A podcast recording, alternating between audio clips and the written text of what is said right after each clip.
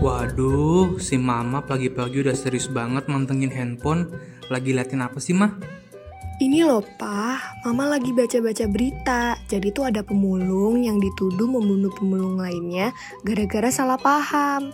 Padahal belum ada bukti yang menguatkan kalau dia melakukan pembunuhan. Wah, kasihan banget ya dia jadi tertuduh gitu.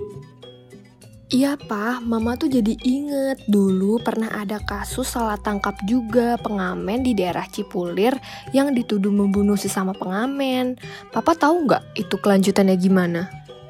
Oh, yang kasus salah tangkap pengamen Cipulir itu, akhirnya mereka diputuskan tidak bersalah setelah dibantu oleh rekan-rekan advokat dari Lembaga Bantuan Hukum Jakarta.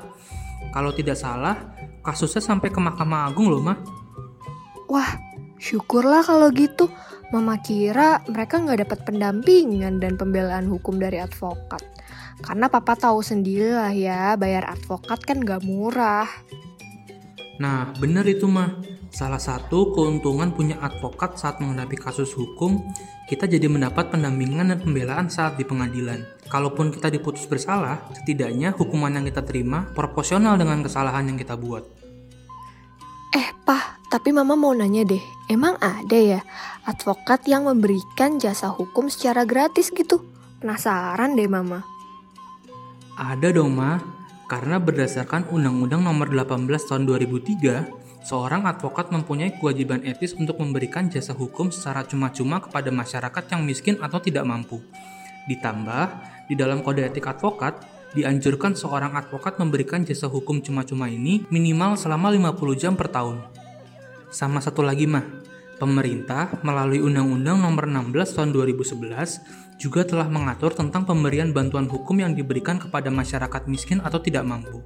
Contohnya seperti rekan-rekan dari Lembaga Bantuan Hukum Jakarta di kasus salah tangkap pengamen Cipulir tadi. Wah, gitu ya, Pak. Ngomong-ngomong, kalau masyarakat mau cari bantuan hukum yang terdekat dari lokasinya tuh gimana sih emang caranya, Pak? Tahu nggak? Nih, Ma, Papa kasih tahu ya, kalau sekarang ada website yang namanya lawhub.id. Ejaannya L A W H U B ID. Nanti di situ bisa langsung kelihatan kantor advokat atau lembaga bantuan hukum terdekat yang bisa memberikan bantuan hukum kepada masyarakat, khususnya yang miskin atau tidak mampu. Dan layanan di website ini gratis loh, mah. Wah, keren banget, Pak. Semoga masyarakat semakin mudah deh dalam menemukan bantuan hukum dengan adanya lauhab.id ini.